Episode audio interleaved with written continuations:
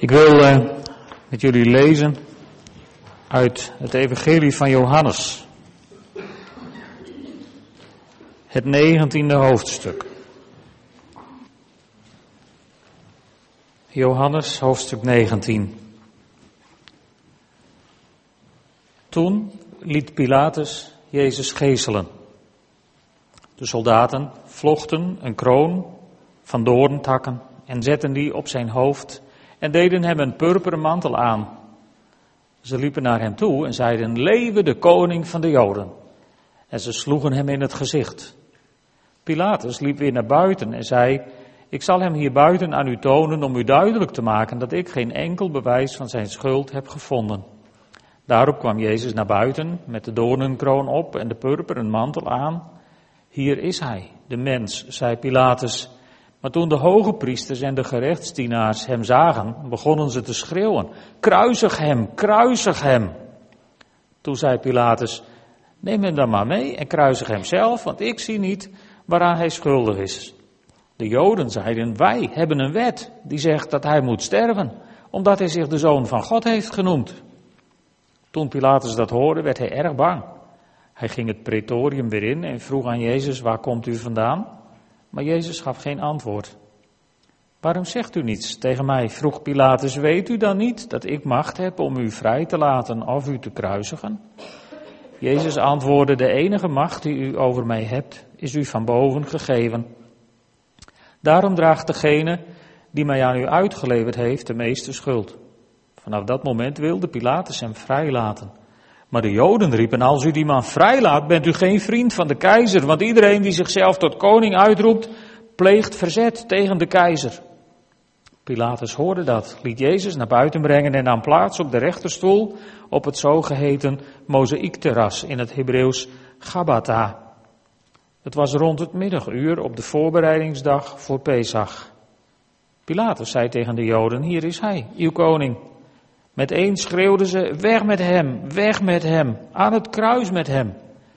Pilatus vroeg, moet ik uw koning kruisigen? Maar de hoge priesters antwoordden, wij hebben geen andere koning dan de keizer. Toen droeg Pilatus hem aan hen over om hem te laten kruisigen. Ze voeren Jezus weg. Hij droeg zelf zijn kruis naar de zogeheten schedelplaats in het Hebreeuws Golgotha. Daar kruisigden ze hem met twee anderen aan weerskanten één en Jezus in het midden.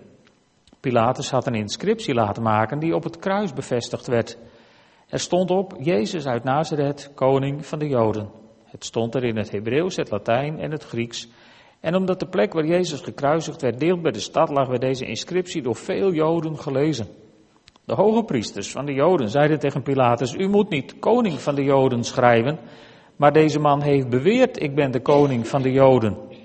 Wat ik geschreven heb, dat heb ik geschreven, was het antwoord van Pilatus. Nadat ze Jezus gekruisigd hadden, verdeelden de soldaten zijn kleren in vieren, voor iedere soldaat een deel, maar zijn onderkleed was in één stuk geweven van boven tot beneden. Ze zeiden tegen elkaar, laten we het niet scheuren, maar laten we loten wie het hebben mag. Zo ging in vervulling wat de schrift zegt. Ze verdeelden mijn kleren onder elkaar en wierpen het lot om mijn mantel. Dat is wat de soldaten deden. Bij het kruis van Jezus stonden zijn moeder en haar zuster Maria, de vrouw van Klopas, en Maria uit Magdala. Toen Jezus zijn moeder zag staan en bij haar de leerling, van wie hij veel hield, zei hij tegen zijn moeder, dat is uw zoon. En daarna tegen de leerling, dat is je moeder. Vanaf dat moment nam die leerling zich bij haar bij zich in huis. Toen wist Jezus dat alles was volbracht. Om de schrift geheel in vervulling te laten gaan, zei hij, ik heb dorst. Er stond daar een vat water met azijn. Ze staken er een majoraantak met een spons in en brachten die naar zijn mond. Nadat Jezus ervan gedronken had, zei hij, het is volbracht. Hij boog zijn hoofd en gaf de geest.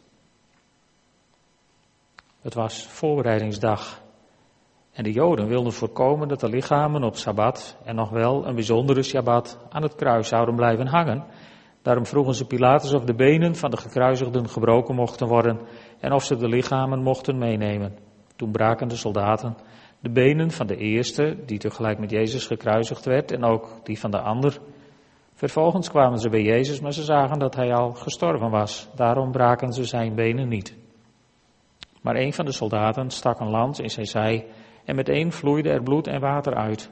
Hiervan getuigt iemand die het zelf gezien heeft en zijn getuigenis is betrouwbaar. Hij weet dat hij de waarheid spreekt en wil dat u ook gelooft. Zo ging de schrift in vervulling. Geen van zijn beenderen zal verbrijzeld worden. Een andere schrifttekst zei, ze zullen hun blik richten op hem die zij hebben doorstoken. Na deze gebeurtenissen vroeg Jozef uit Arimathea, die uit vrees voor de Joden in het geheim een leerling van Jezus was, aan Pilatus of hij het lichaam van Jezus mocht meenemen. Pilatus gaf toestemming en Jozef nam het lichaam mee. Nicodemus, die destijds s'nachts naar Jezus toe was gegaan, kwam ook. Hij had een mengsel van mirre en aloe bij zich, wel honderd litra.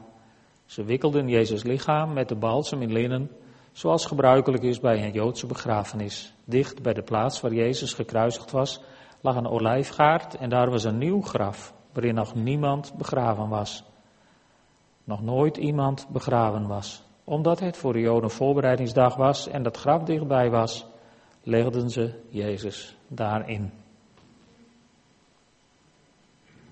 Gisteravond hebben we stilgestaan bij het feit dat we door het nieuwe verbond vrij zijn gemaakt van de wet. En vandaag zien we dat Jezus de consequenties droeg van die wet. Met andere woorden, hij droeg de straf voor al die keren dat wij de wet niet hielden. Of zoals we gisteravond hebben gezien, de maaltijd die met dat verbond verbonden was, was een ongelooflijk dure maaltijd. Daar hing een hele grote prijskaart aan. En vandaag staan we stil bij het feit dat Jezus daar niet voor terugschrok, maar de prijs betaalde. Hij droeg de straf voor al onze zonden. En daarom is het thema vanavond gered van onze zonden. Gered van de wet en nu gered van onze zonden. En die wet, die speelt in het eerste deel van dit verhaal een opmerkelijke rol. Als Pilatus de Joden eigenlijk gewoon Jezus mee wil geven van nou, ik zie geen reden om hem te, te kruisigen, doe het zelf. Dan is het opmerkelijk dat de schriftgeleerden zeggen, wij hebben een wet. Die wet waar wij door het nieuwe verbond van bevrijd zijn, die wet, op grond van die wet moest Jezus volgens de schriftgeleerden gekruisigd worden. Wij hebben een wet. Wij hebben geen wet meer. En dus hoeven we ook geen mensen te kruisigen of te roepen, kruisig hem. We oordelen elkaar niet meer. En ook in vers 21 zien we over die schriftgeleerden dat ze erg op de letter waren. Het is toch wel bijna bij het komische af, als deze dag niet zo triest was, dat ze zich druk maken over wat er op het bordje staat boven het hoofd van Jezus. En dat ze naar Pilatus gaan om enige tekstwijzigingen voor te stellen. In deze tijd van moderne tekstverwerkers kun je je dat misschien nog voorstellen. Maar ik kan me voorstellen dat Pilatus denkt, het was werk genoeg om het er in drie talen op te krijgen. Wat ik geschreven heb, heb ik geschreven. Bekijk het. Zo is ook zijn antwoord. En de toonzetting was denk ik ook een beetje zo. Hij was het meer dan zat die dag. En tenslotte zien we dat de veroordeelden wel op tijd dood moesten zijn. Want anders hadden ze opnieuw een probleem met de wet. Want het zou toch Shabbat worden? Weet je, een bijzondere Shabbat zelfs. En die Shabbat die begint s'avonds bij zonsondergang. En dan mocht er geen lijk in de vloek hangen tussen hemel en aarde. Dat mocht niet van de wet. Dus ze begonnen met, wij hebben een wet. Tussendoor zeurden ze wat over de tekst. En aan het eind van de dag moet op grond van de wet, moeten de beenderen van de gekruisigden worden stuk geslagen, zodat ze sneller sterven. Want ze moeten wel op tijd dood. Anders hebben we weer een probleem met die wet, wat je al niet voor problemen kunt hebben met de wet. Wat die arme mensen werd aangedaan, dat interesseerde ze niet. Maar de regeltjes moesten gehandhaafd worden. triest op deze dag. Ondertussen ontging het iedereen dat Jezus gedurende de hele dag de regie hield. Hij sprak wanneer hij wilde spreken. Hij zweeg wanneer hij wilde zwijgen. En keer op keer staat er, en bij Matthäus en ook hier in Johannes, staat er tussen dat Jezus dingen deed opdat de schrift in vervulling zou gaan. Heel bewust lijkt het wel alsof Jezus op deze dag het draaiboek exact aanwerkt. Zoals ze dat misschien wel in de hemel hebben afgesproken voordat hij naar deze aarde ging. En tenslotte gaat Jezus niet dood, maar geeft hij de geest. Een uitdrukking die nog nooit eerder was voorgekomen in de Bijbel. Mensen gaven de geest niet, want je hebt niks te geven. De geest wordt van je genomen en de geest is je ooit een keer gegeven. En er komt een moment, dan ga je dood. Of je dat nu wilt of niet, daar doen wij mensen normaal gesproken in ieder geval helemaal niets aan. Maar Jezus niet. Jezus ging niet dood. Jezus gaf de geest.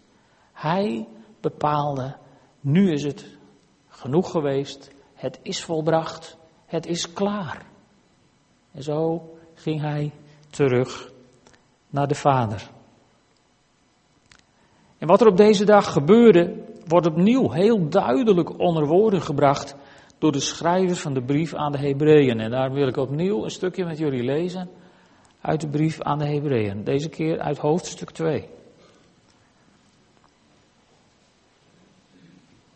Hebreeën 2, vanaf vers 14.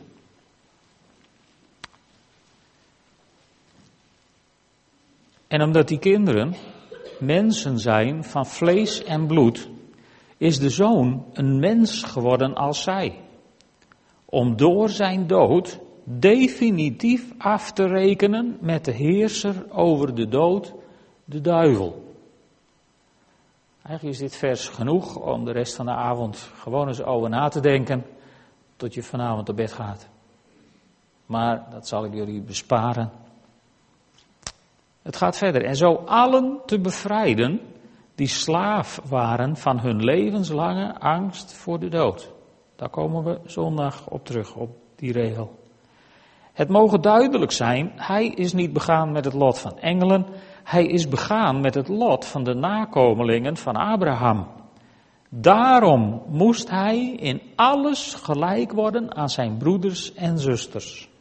Alleen dan zou hij in aangelegenheden tussen God en zijn volk een barmhartige en betrouwbare hoge priester zijn die verzoening bewerkt voor hun zonden.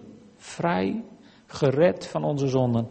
Juist omdat hij zelf op de proef werd gesteld en het lijden volbracht heeft, kan hij ieder die beproefd wordt bijstaan. Ieder die beproefd wordt, kan hij bijstaan want hij kan tegen ieder van ons, waar je ook doorheen gaat en in welk proces je ook zit, Jezus Christus kan tegen jou zeggen, ik was daar ook. Ik weet wat je meemaakt. Ik weet wat je voelt. Ik begrijp hoe je erin zit. Want ik ben voor je uitgegaan op deze weg. Is dat niet geweldig? Ik ging voor je uit op deze weg waar jij ook terechtkomt, wat u ook mee gaat maken in uw leven, hoe je levensweg er ook uitziet, op elke meter van je levensweg hangt dat bordje, Jesus was hier. Er is geen plek in je leven waar hij niet eerder was dan jij. En hij heeft het voor jou toegankelijk gemaakt zodat je de weg die je te gaan hebt kunt gaan. Is dat niet bijzonder? Dat is wat gebeurde op deze weg. Maar de opmerkzame luisteraar heeft misschien gedacht, ja, maar het gaat over de nakomelingen van Abraham. En ik dan? Nou, ik wil je feliciteren. Je hoort er ook bij. De apostel Paulus die schrijft in de brief aan de Galaten in hoofdstuk 3 vers 29. En omdat u Christus toebehoort, wat bent u dan? Nakomelingen van Abraham. Weet je wat nou zo bijzonder is? Dat moet ik toch even zeggen. Als je zo'n stukje leest in Hebreeën en je denkt hij is begaan met de nakomelingen van Abraham, kun je heel makkelijk gaan denken. Ach, dan hoor ik er niet bij. En wat ik je nu laat zien is dat een beetje Bijbelkennis, en daar wordt opnieuw zichtbaar hoe belangrijk het is om een beetje Bijbelkennis te hebben. Een beetje Bijbelkennis kan je zelf van het antwoord voorzien, want dan had je misschien die tekst uit Galaten gekend uit je hoofd. En dan ben je niet vatbaar voor dit soort dwaalleren. Dus opnieuw een lans breken voor de Bijbelstudie. Omdat je Christus toebehoort, bent u nakomelingen van Abraham, erfgenamen volgens de belofte. Dat zijn wij. Vind je dat niet bijzonder? Erfgenamen namens de belofte. En daarom is, is de belofte, de hele belofte uit dit geweldige woord, is voor ons. Elk deel, elke letter. Die hele belofte is voor ons. Bijzondere belofte die we gisteravond hebben gezien in Hebreeën 9, vers 12.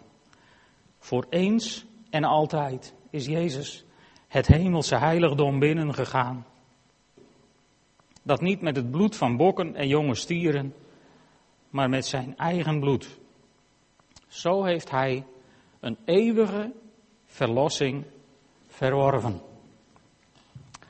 Dat is misschien wel de grootste kern van deze erfenis. Zo heeft hij een eeuwige verlossing verworven. Lieve mensen, wij zijn nu vrij van de wet en we zijn vrij van onze zonden. En dat heeft een hoop gekost. Misbruik die vrijheid niet, want de prijs was onwaarschijnlijk hoog. Zullen we samen een moment bidden? Vader in de hemel, we zullen dat nooit ten volle kunnen beseffen wat het u heeft gekost. We zullen ook nooit ten volle kunnen beseffen hoe uw zoon heeft geleden. En we hoeven dat ook niet te ondervinden, want u hebt de straf ondergaan die voor ons was bedoeld. En daar prijzen we uw naam voor tot in alle eeuwigheid. Amen.